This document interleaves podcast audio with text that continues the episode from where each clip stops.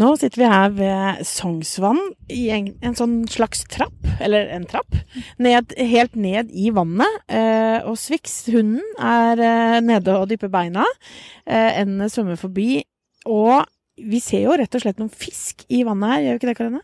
Jo da, det er fisker i Sognsvann. Det er det absolutt. Eh, det er kanskje ikke det beste, mest spennende eh, fiskevannet. Nå har vi faktisk en løs hund her. Skal jeg skal snakke til han? Ja. Vet du hva? Du, vet du hva? Nå er det faktisk båndtvang, så det er viktig at du har hunden din i bånd. Ja.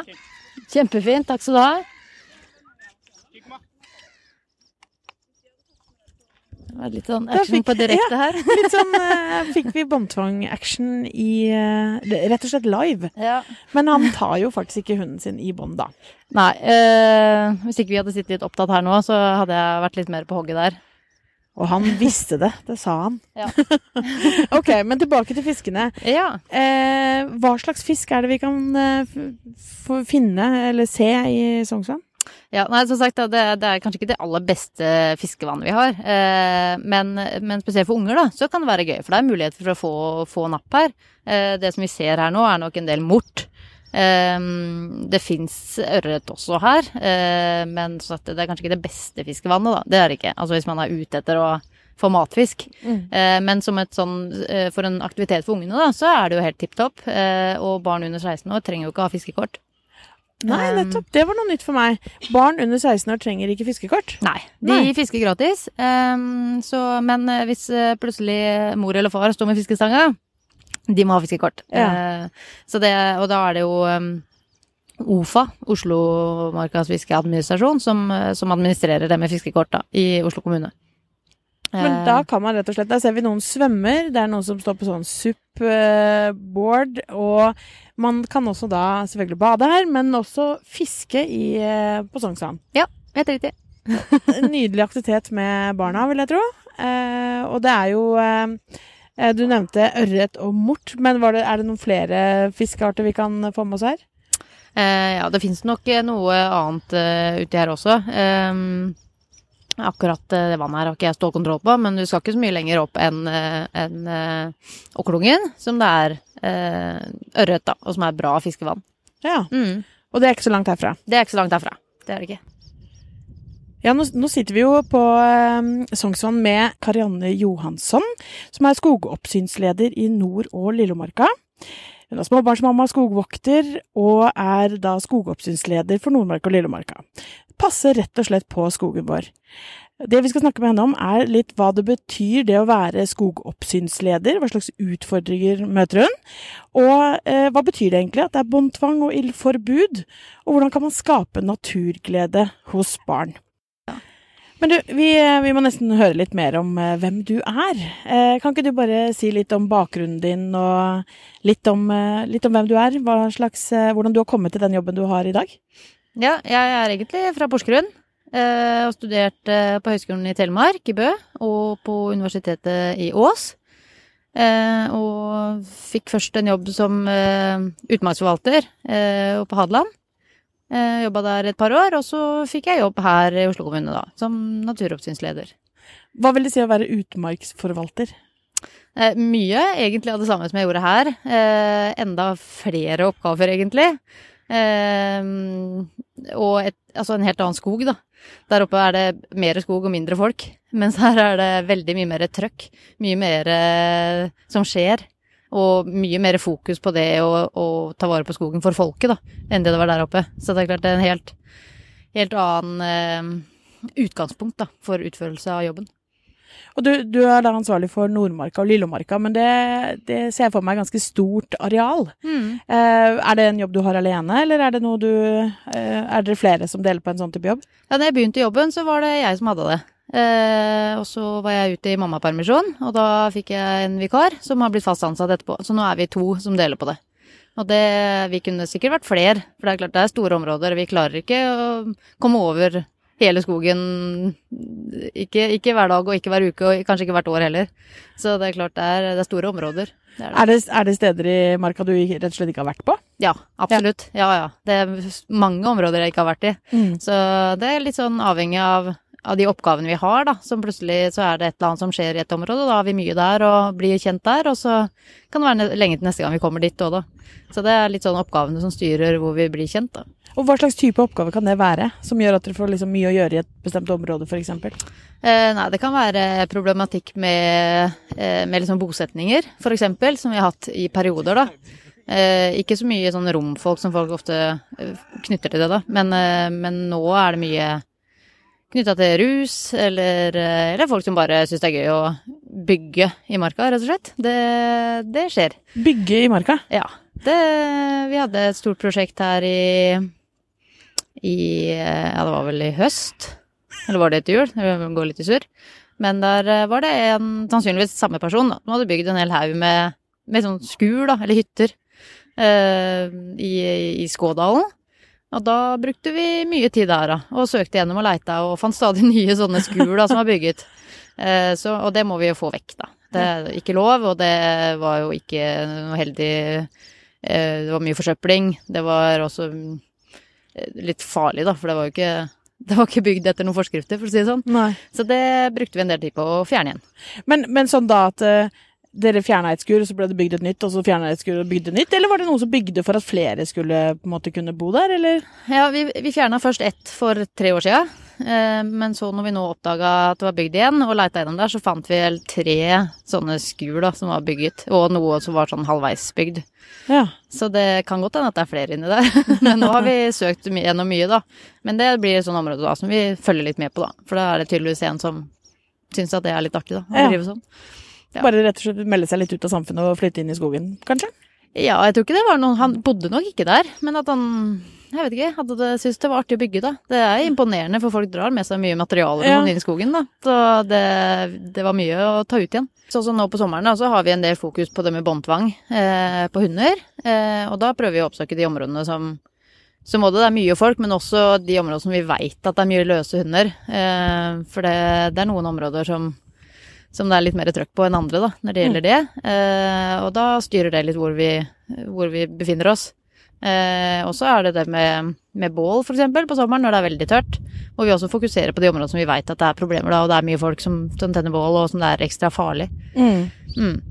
Men sånn som dette med båndtvang. Eh, der har jeg jo hørt at det er en litt sånn misforståelse. At man kan, mange kanskje tenker at det er fordi at du skal ha hunden i bånd for, for oss mennesker sin skyld, på en måte. At ikke det skal gå løse hunder rundt.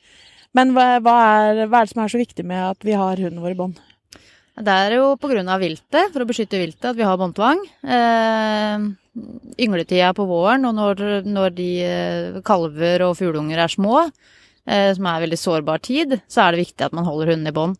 Eh, som du sier, mange tror nok kanskje at det er litt på grunn av at det er ikke på folk, da, så de holder hundene i bånd der hvor det er mye folk, og så kommer de lenger innpå, og så slipper de når ikke det er så mye folk. Og det er jo liksom misforstått greie, da. Mm. det er lenger innpå hvor det er mer vilt. Det er der det er viktigst, faktisk, at hundene går i bånd. Ja, så det er rett og slett en eh, helt omvendt av det man egentlig har trodd, da.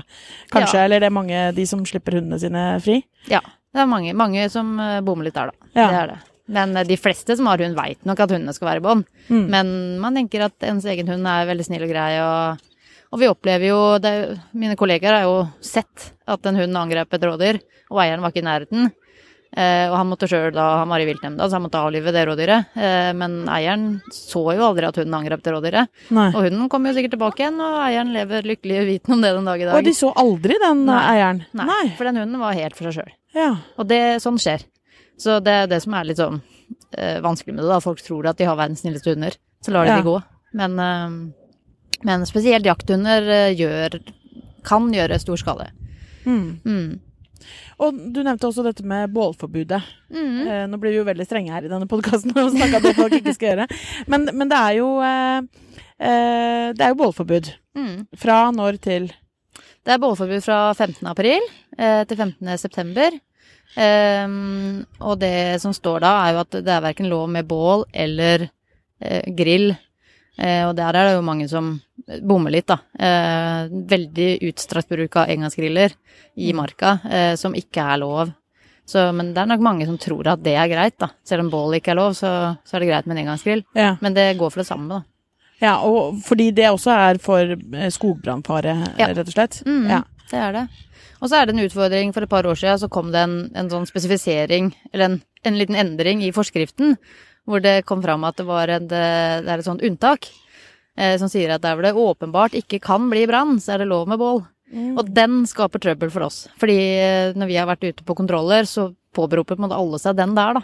At nei, nei, men vi har sikra, her kan det åpenbart ikke bli brann. Men det er, det er liksom det er veldig spesielle tilfeller da, hvor den kommer inn. Typisk hvis det er på høsten før bålforbudet er ferdig og det har regna i månedsvis, så, så er det så vått at det kan ikke bli brann. Da, da kan man, hvis man også sikrer, eh, ha et unntak fra den regelen, da. Mm. Men sånn som det har vært nå på våren, hvor det har vært kjempetørt på skauen, da, da er det ikke mulig. Mm. Da kan det bli brann, for gnister kan fly og Så det Men eh, mange misforstår den, da. Men er det, er det mye sånn type forsøpling med det? Ser dere masse engangsgriller? Altså folk går ifra, eller Ja da, absolutt. Eh, folk går ifra. Eh, og de setter også engangsgriller ut på bryggene, på trebryggene våre. Eh, hvor det blir rett og slett brenner hull da, i bryggene. Eh, vi har opplevd at brannvesenet må komme og slokke branner ute på bryggene. Så det er klart, det, det er et stort problem. Det er det absolutt. Så hva kan man gjøre? Altså Hvis du er på tur i Oslomarka, du har ikke lov til å tenne bål, du har ikke lov å ha med engangsgrill. Eh, sånn eh, primus. Primus er lov. Primus er lov. Ja. Men det er jo som må brukes med omhu. Eh, og er det super, super, supertørt, så, så skal man tenke seg om der også, da. Fordi at det er fortsatt Du må fyre opp den grillen, eller den der primusen. Mm. Så det også det skal, Man skal gjøre det med omhu, men, men det, er det, det er det åpning for, da. At det kan man gjøre. Ja. Mm. Oslo eier skog eh, Det er ganske mange kommuner. Jeg husker ikke det tallet. Ti-elleve kommuner eller sånt, tror jeg, som Oslo kommune eier skog i. Eh, For min del så er det jo da selvfølgelig Oslo kommune, og så er det Nittedal kommune. Skedsmo. Eh, heter kanskje ikke Skedsmo kommune lenger. Det er blitt sammenslått med noen greier. Ikke lett å holde styr på det akkurat nå. uh, og så er det jo Asker og Bærum, uh, som, som kommunene eier skog i her i nord da, og vest. Mm. Ja. Og, men hvorfor kjøper eh, Oslo kommune skog? Eller hvorfor, ha, hvorfor er vi opptatt av å ta vare på den skogen? Nei, opprinnelig så var det jo stort press med utbygging eh, rundt Oslo. Eh, og man hadde ikke markaloven som man har i dag, som verna skogen. Sånn at det var noen politikere som fant ut at eh, for å sikre befolkninga tilgang til friluftsområder, så må man, man eie skogen selv. Um, så det over lang tid da, så har de kjøpt opp eiendommer når det har vært til salgs. da. Eh, nå er det jo veldig sjeldent at det selges store skogeiendommer, men eh, det fortsatt er holdninga der at eh, hvis, hvis det er skog til salgs som grenser til Oslo kommuneskogen, så er det interesse for å, for å overta det, da. Mm. Og da er det for eh, at Oslos befolkning skal ha rekreasjonsmuligheter i Ja. den skogen? Helt riktig. Ja. Mm, så det er jo helt fantastisk. Det, det er ikke så mange kommuner som eier så mye skog som det Oslo gjør. Nei, det er ikke det? Nei. Hvor, vet du liksom hvor mye skog vi har? Altså, hvor, Eh, omtrent 140 000 dekar. Så det er et stort område. ja, Mm. det er ganske stort område. Det skal være god plass for Oslos befolkning å eh, gå på tur i marka. Det er absolutt det. Eh, og man ser det på de, de store utfartsdagene, så skal man ikke så langt innover i marka da, før du ikke møter så veldig mange. Så det er klart det er press på de nærområdene. Men eh, hvis man kommer seg inn på stier, litt vekk fra veiene, og kommer seg litt innover, så får man gå i fred. Ja. Så det er nok plass. Men du, vil du si at Oslos befolkning er flink til å bruke marka som Ja. vi har? Ja, absolutt. Det er, eh, det er, eh, det er folk overalt, og vi, vi i oppsynet vi er jo ofte i sånn eh, avsidesliggende områder, da. Eh, og til og med der møter vi jo folk som vi tenker at her er det ingen som går. Men eh, jo, det dukker opp folk rundt omkring, det gjør det. Så det, nei, det er absolutt veldig bra. Og det er jo det som er viktig, at det er viktig at folk bruker marka, fordi at da blir man glad i marka og har lyst til å ta vare på den i framtida òg, da. Så det er jo en av de oppgavene som vi har òg, eh, i jobben vår. At vi sørger for å legge til rette sånn at folk bruker marka, og blir glad i marka og har lyst til å ta vare på den. Mm. Og vi var jo litt inne på dette med båndtvang og ild, eh, ildsted. Um, og det, jeg har hørt rykte om at du har rett og slett politimyndighet når du eh, ferdes rundt omkring i skog og mark. Ja, det stemmer. Vi har en sånn begrensa politimyndighet. Eh, det at den er begrensa, betyr at den er begrensa i, i areal. Så den gjelder kun for de kommunene som vi har skog i, og den gjelder kun enkelte lover. Sånn at vi har full politimyndighet på enkelte lover og i et begrensa område.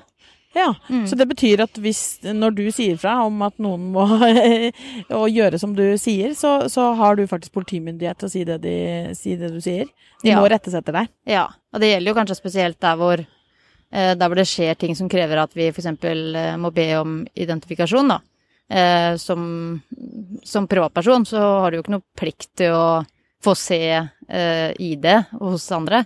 Men som politi, eh, politibetjent, da, så har man, har man, krav til det. Og hvis de ikke vil rette, eller har lyst til å følge det, så er det samme konsekvenser som hvis de nekter politiet det i byene. Ja. Mm. Er det ofte du må bruke denne politimyndigheten din? Ja, vi bruker det der hvor vi, der hvor vi har oppsyn på det som, det som, er norske lover, da. Eh, ikke bare det privatrettslige. Så f.eks. det som går på båndtvang, som er en lovbestemt ting, så bruker vi det. Eh, det kan også være i forurensningssaker, da. Det kan jo gjelde sånn eh, bosetning, f.eks., som eh, er en privatrettslig ting, men også eh, et brudd på norske lover, da. Mm. Så vi skiller på det, på hva vi håndhever som privatrettslig, og hva vi håndhever etter lov. Men hvordan er det når du er rundt omkring og, og møter folk? Er folk stort sett uh, Retter de seg etter deg? Må du liksom fram med politimyndigheten din, eller er folk generelt uh, flinke til å høre etter? Folk er generelt flinke til å høre etter, det er ikke noe tvil om det. Uh, men det er en og annen situasjon som folk ikke syns er noe hyggelig å, få beskjed om å gjøre noe annet enn det de vil.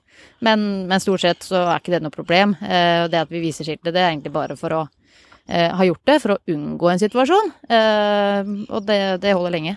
Så det, stort sett så går det veldig fint. Ja, og nå sitter vi jo som sagt her ved Sognsvann. Det er jo et uh, veldig stort og fint område. Mm. Uh, masse dyr. Jeg ser en hengekøye som er bundet opp mellom uh, et par trær litt lenger bort her. Mm. En rød og fin hengekøye som er veldig, veldig synlig. Er det lov?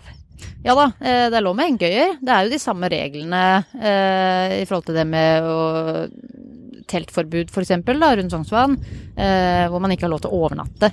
Eh, så er det klart, med hengekøye det er litt sånn ny ting, da. Det har tatt helt av nå i det koronatider. eh, men det vi opplever, er at det er, det er, stort sett veldig lite søppel da, rundt en hengekøye. Uh, og de som bruker hengekøye, er i stor grad bare dagsgjester som kommer og setter opp hengekøya og, og, koser seg på dagen og reiser hjem på kvelden. men det har jo også blitt populært det med å overnatte i hengekøye. Uh, og det, det, er absolutt lov, men ikke akkurat på grøntarealene rundt Sognsvann, da. Det, der skal man ikke ha overnatting. Men uh, i skogen og rundt andre vann så, så er det blitt kjempepopulært, og det er helt innafor. Mm, ja, så i marka så kan man sette opp telt og, og sette opp hengekøye der man vil? Ja. ja. Mm, I inntil to dager.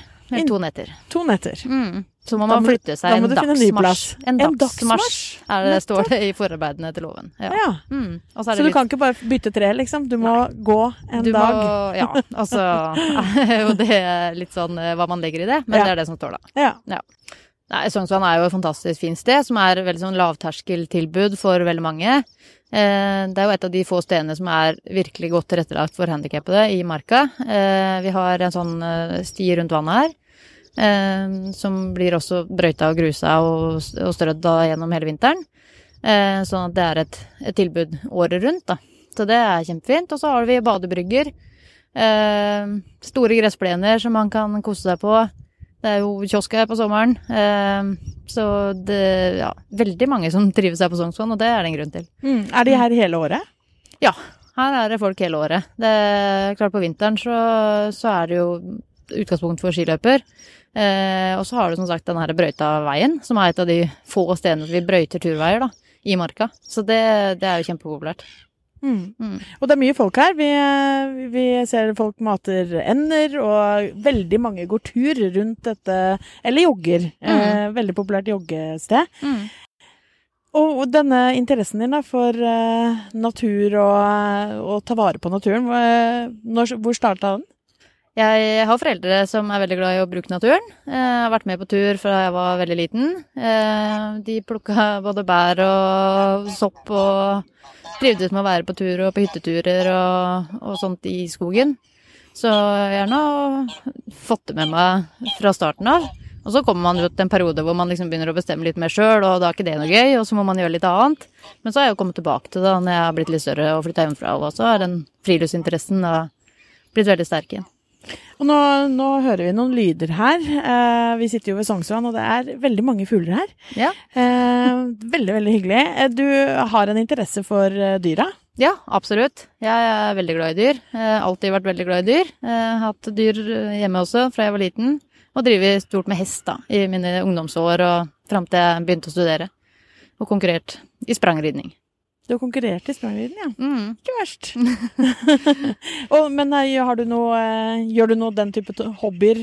Får du tid til det nå eh, som du har den jobben du har, eller er det lagt på hylla? Eh, ja, nei, når, hesten, når hest, hestelivet blei over, så måtte jeg jo fylle det med noe annet dyr, da, så da fikk jeg meg hund. Så nå driver jeg med hund, og konkurrerer også med, med hund, da. Så jeg har to golden retrievere av jaktlinjer som jeg konkurrerer med. Ja. Og kan ha med meg på jobb, da, en gang iblant, når det passer seg sånn. Så det er helt topp. Hva slags type konkurranse er det du eh, er med på med de? Jeg konkurrerer i noe som heter rallylydighet. Som er en kjempeartig sport både for eier og hund.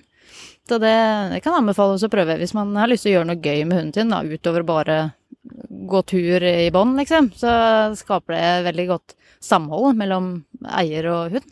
Og hva, hva vil det si? Hva er rallylydighet? Eh, det er en type, skal jeg kalle det for hinderbane. Eh, det er en blanding av, av lydighet, av dressurtrening og, og det som heter agility med hinder. Så det er en bane som man setter opp, eh, som kan bestå av eh, mellom 15 og 22 øvelser. Fra et, fra et utvalg på 150 øvelser, da, så man har mye Oi. å trene på. Eh, og så kommer man til en bane hvor en dommer har satt opp den banen, og så må man gå, gå øvelse for øvelse, da. Og du, det er 150 som de kan velge fra, du vet ikke før du kommer Mm. hvilke det er? ja, det stemmer. Nettopp, ja. ja. Da skjønner jeg det er mye å øve på. Ja. Når du er uh, rundt omkring i marka, uh, så eh, skal du jo passe på å sjekke at alt er som det skal. Er det, hva slags dyr er det du møter på når du er uh, rundt omkring og gjør jobben din? Eh, nei, det er jo eh, mye forskjellige dyr. Da. Vi har mye ender og fugler her på Sognsvann. Eh, men nå hadde vi en litt sånn artig historie her eh, bare for et par uker siden eh, i Lillemarka. Hvor vi tapper ned Breisjøen fordi man rehabiliterer dammene der. Og så er det en sånn en plante, som, en veldig sjelden plante, som befinner seg i, i Breisjøen, som heter flyte, flytegro. Og som man har brukt ganske mye tid og ressurser på å ivareta da, under nedtappinga. Så viste det seg at det gikk en, en familie med canadagås og gressa på denne flytegroen. da. eh, og det var litt krise. Så da, da måtte vi eh, prøve å fange disse. Eh, så Oi. det var jo et prosjekt i seg sjøl. Så da var vi Kan vi var ikke de bli litt sånn hissige? Eh, jo, det er klart når de har små unger, så, Ja. og det er store fugler. Så da, men da var vi, vi var vel seks stykker, da, både fra Bymiljøetaten og noen fra vann- og avløpsetaten, som uh, samarbeida. Og vi hadde håver og nett og diverse, og jobba rundt i gjørma på nedtappa vann. Eh, og klarte å fange den familien. Da. Og fikk frakta de, og de har flytta nå til Alnaparken. Ja. Så de bor der, da. Eh, det er jo en svartelista art, så det er jo alltid sånn eh, man kunne ha skutt de, da. Eh, det er jo egentlig en art vi ikke har lyst til å ha. Mm. Men, eh, men i og med at de gikk med små unger, så gjorde vi en beslutning der på at vi ikke hadde lyst til å skyte de eh, i liksom yngletida, da. Eh, så de ble da flytta til, til Alnaparken, og lever lykkelig der, tenker Ja. jeg. Er det andre dyr du møter, da? Eh, ja, en annen eh, litt sånn artig, artig møte vi hadde, det er noen år sia. Da ble det henta en, en bever eh, fra byggesonen, da, eh, som hadde satt seg fast på sånn, et fjellhylle over en, en vei. Eh, som, eh, som også en av mine kollegaer måtte hente, og som vi kjørte langt opp eh, i Nordmarka. Og satte ut eh, i en, en elv som munna ut i en, en eh, innsjø litt lenger opp her. Eh, som vi var litt spent på om kom til å trives der, da. Men den har vi sett igjen nå seinere tid, da. Som lever i beste velgående og mm, biter, gnager ned trær og har funnet seg liksom plassen sin der oppe, da. Ja. Så det er jo artig, da. Når det funker, det vi gjør. Ja, ja, Mm. klart det. Eh, er det liksom eh, Hva er det man ser mest av hvis man eh, går på tur i, i Oslomarka? Eh, det, det er mye rådyr.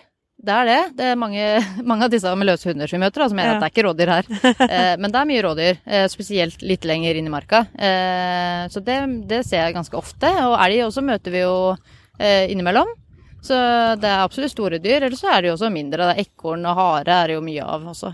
Så det, det er dyreliv her. Men det er klart, i de mest brukte områdene, da, der, eh, der, er, det, der er det ikke så mange dyr som syns det er noe ålreit å være. Men eh, ja, et par år siden møtte jeg en en, eh, en røy, altså kona til tiuren, eh, møtte jeg her på vestsida av Sognsvann.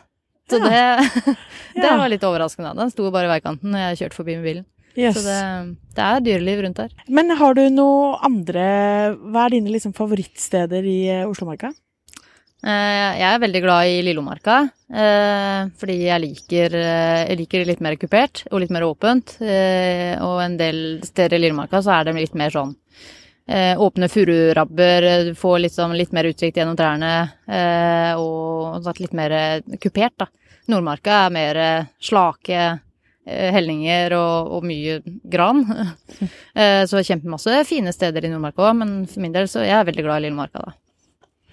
Og er det liksom noe eh, sånn andre Altså når du bruker marka selv, er det, er det for å gå tur? Er det Bruker du Altså sånn på fritiden din, da? Mm. Er det Eller er det er du skiperson, eller er det ja, jogger?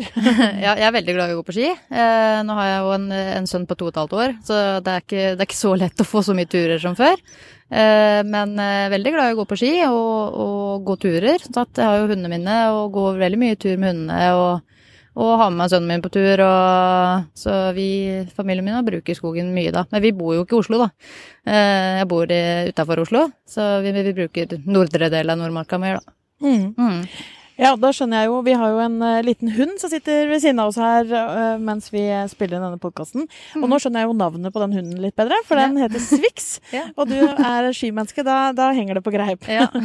Men du nevnte den sønnen din på to og et halvt år. Uh, vi som foreldre, vi har jo gjerne lyst til å liksom Ja, la barna våre få, få interesse for naturen og få, ha lyst til at det ikke liksom er sånn Nå skal vi, og nei, nei, jeg vil ikke.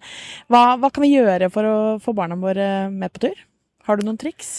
Eh, nei, for vår del så handler det om å, å, gjøre turene enkle nok, da. Og på hans premisser. Eh, det, det, tror jeg er det viktigste. At ikke vi, vi har ambisjoner om å gå langt og fort, men at vi kan være og kose oss bare med å være ute, da.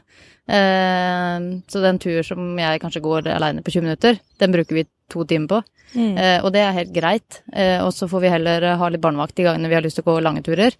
Eh, og la da de turene som han er med på, bare være gøy. Eh, se, på, se på alle mulige rare ting, lage historier rundt det vi ser. Eh, finne fram noen kongler, lage noen sånn kongledyr. Han har jo masse veldig stor interesse for alle mulige maskiner, da, og sånn motorsykler. Så han eh, ser motorsykler da i alle trestokker som ligger nede. Så da, så da er det en sånn greie, da. Etter vi har sittet en stund på en tommerstokk, så kan vi si at vi kan gå litt lenger, så kan vi se om vi finner en ny motorsykkel. Så da er vi liksom på leiting etter motorsykler da rundt i skogen. Så det er helt topp. Det, men han er totall, så han har på en måte ikke så mye valg ennå. Eh, etter hvert som eh, liksom barna blir større og blir ungdommer og sånn, ser, mm. ser, du fortsatt mye ungdommer rundt i skogen, eller er det er de tatt av uh, PlayStation og Ja, nei, det, er klart det er nok Det er litt sånn, sånn som for min egen del òg, da. At det blei en tid, eh, litt sånn Starten av voksentida som man går litt vekk fra det man vokste opp med, kanskje, og, og så finner man tilbake til det seinere, da, fordi at man har de verdiene der. Og det tror jeg kanskje man bare må akseptere, da, at det er en, en periode som det er andre ting som er spennende. Men så har man kanskje fått gitt i hvert fall et, et fundament da, som de har lyst til å komme tilbake til, spesielt når de får barn sjøl. Mm. Så det tror, jeg, det tror jeg kanskje ja, er litt ålreit, og at de får, at de får velge sjøl, da. Jeg har to bonusbarn også, på, på 8 og 12 år. Og det er at de er kanskje ikke så gira da, på å være med på tur hele tida som de var før. Men så viser det seg at når vi først kommer oss ut, så er det liksom ålreit likevel, da. Ja. Og I hvert fall da, hvis vi har med litt godt i sekken og fyrer og bål, kanskje lager pannekaker på bål og liksom gjør litt sånne ting som de syns er artig, da. Og så får man bare akseptere at ikke de vil være med på hver eneste tur lenger. Ja, At mm. ikke kanskje man skal tvinge barna når de har litt andre interesser også, men at det da kanskje kan komme tilbake til dem når de blir større og velger selv. Ja. Mm. Har du noe eh, liksom eh, Nå som sagt så er vi jo ved Sognsvann, og eh, det er jo skog absolutt rundt, uh, rundt oss mm. hvor enn vi ser. Er det uh, For de som ikke er så vant til å gå ut i Oslomarka, altså mm. som kanskje er vant til å holde seg i byen, eller er vant til å bo i blokk, eller de er liksom ikke Ja, ikke så vant til å liksom bare traske ut i marka. Hvor mm. begynner man? Hva, hva trenger man? Trenger man noe for å liksom komme i gang med dette her? Nei, for å gå en tur i skogen så trenger du fint lite, i hvert fall her, da. Det er klart, eh, Begir du deg ut på høye fjell, så må det, krever det litt mer forkunnskap, men det krever ikke noe forkunnskap. I hvert fall ikke gå en tur rundt Sognsvann. Det er eh, det, det, kan du gå i omtrent hva du vil ha av sko også. Um, så Nei, det er godt skilta, og det er trygt og godt, og du kommer alltid til en vei når du begynner å gå innover her, så det skal godt gjøres å gå seg bort også. Um, men så er det jo Jeg syns det er kjedelig å gå på veiene, da.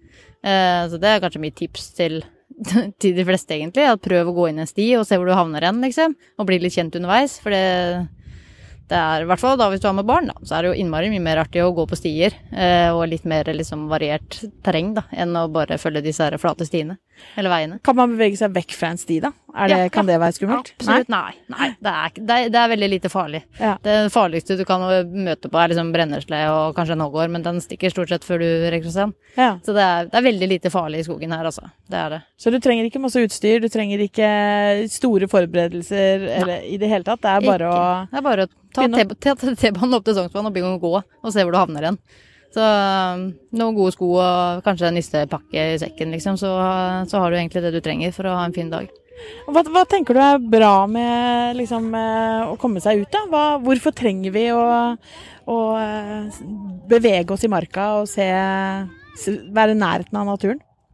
Jeg tror det, der, det å få finne den roen eh, og komme litt vekk fra det der mas og kjas og alt det der som er eh, som man omgir seg med stort sett hele tiden, det tror jeg det har alle godt av, selv om man ikke tenker og man har det behovet i utgangspunktet. da. Eh, men det er klart, altså de som bruker marka, de bruker det jo for mange forskjellige grunner. Eh, og det er, ikke en, det er ikke én ting som er mer riktig enn noe annet. da. For Noen eh, trives med å løpe fort eller sykle fort, og andre er liksom veldig sånn mindfulness og liksom føle naturen og se. Og det ene er ikke riktigere enn det andre. Så, så det, det skal man liksom akseptere, da. At folk, folk bruker marka av, av forskjellige grunner. Og det, det, det er helt greit. Mm. Mm.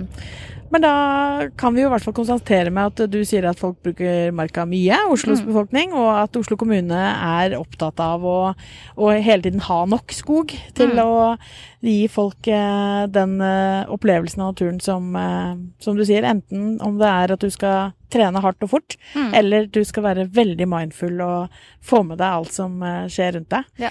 Her er det i hvert fall eh, veldig mange ender som, har, som jeg tror har lyst på mat fra oss. Ja, de er vant til å få litt mat her, det er ikke noe tvil om. Det skjønner jeg. Men tusen takk for praten. Det var veldig spennende å snakke med deg. Ja. Eh, og jeg får jo definitivt lyst til å gå en runde rundt Sognsvann. Det er helt klart.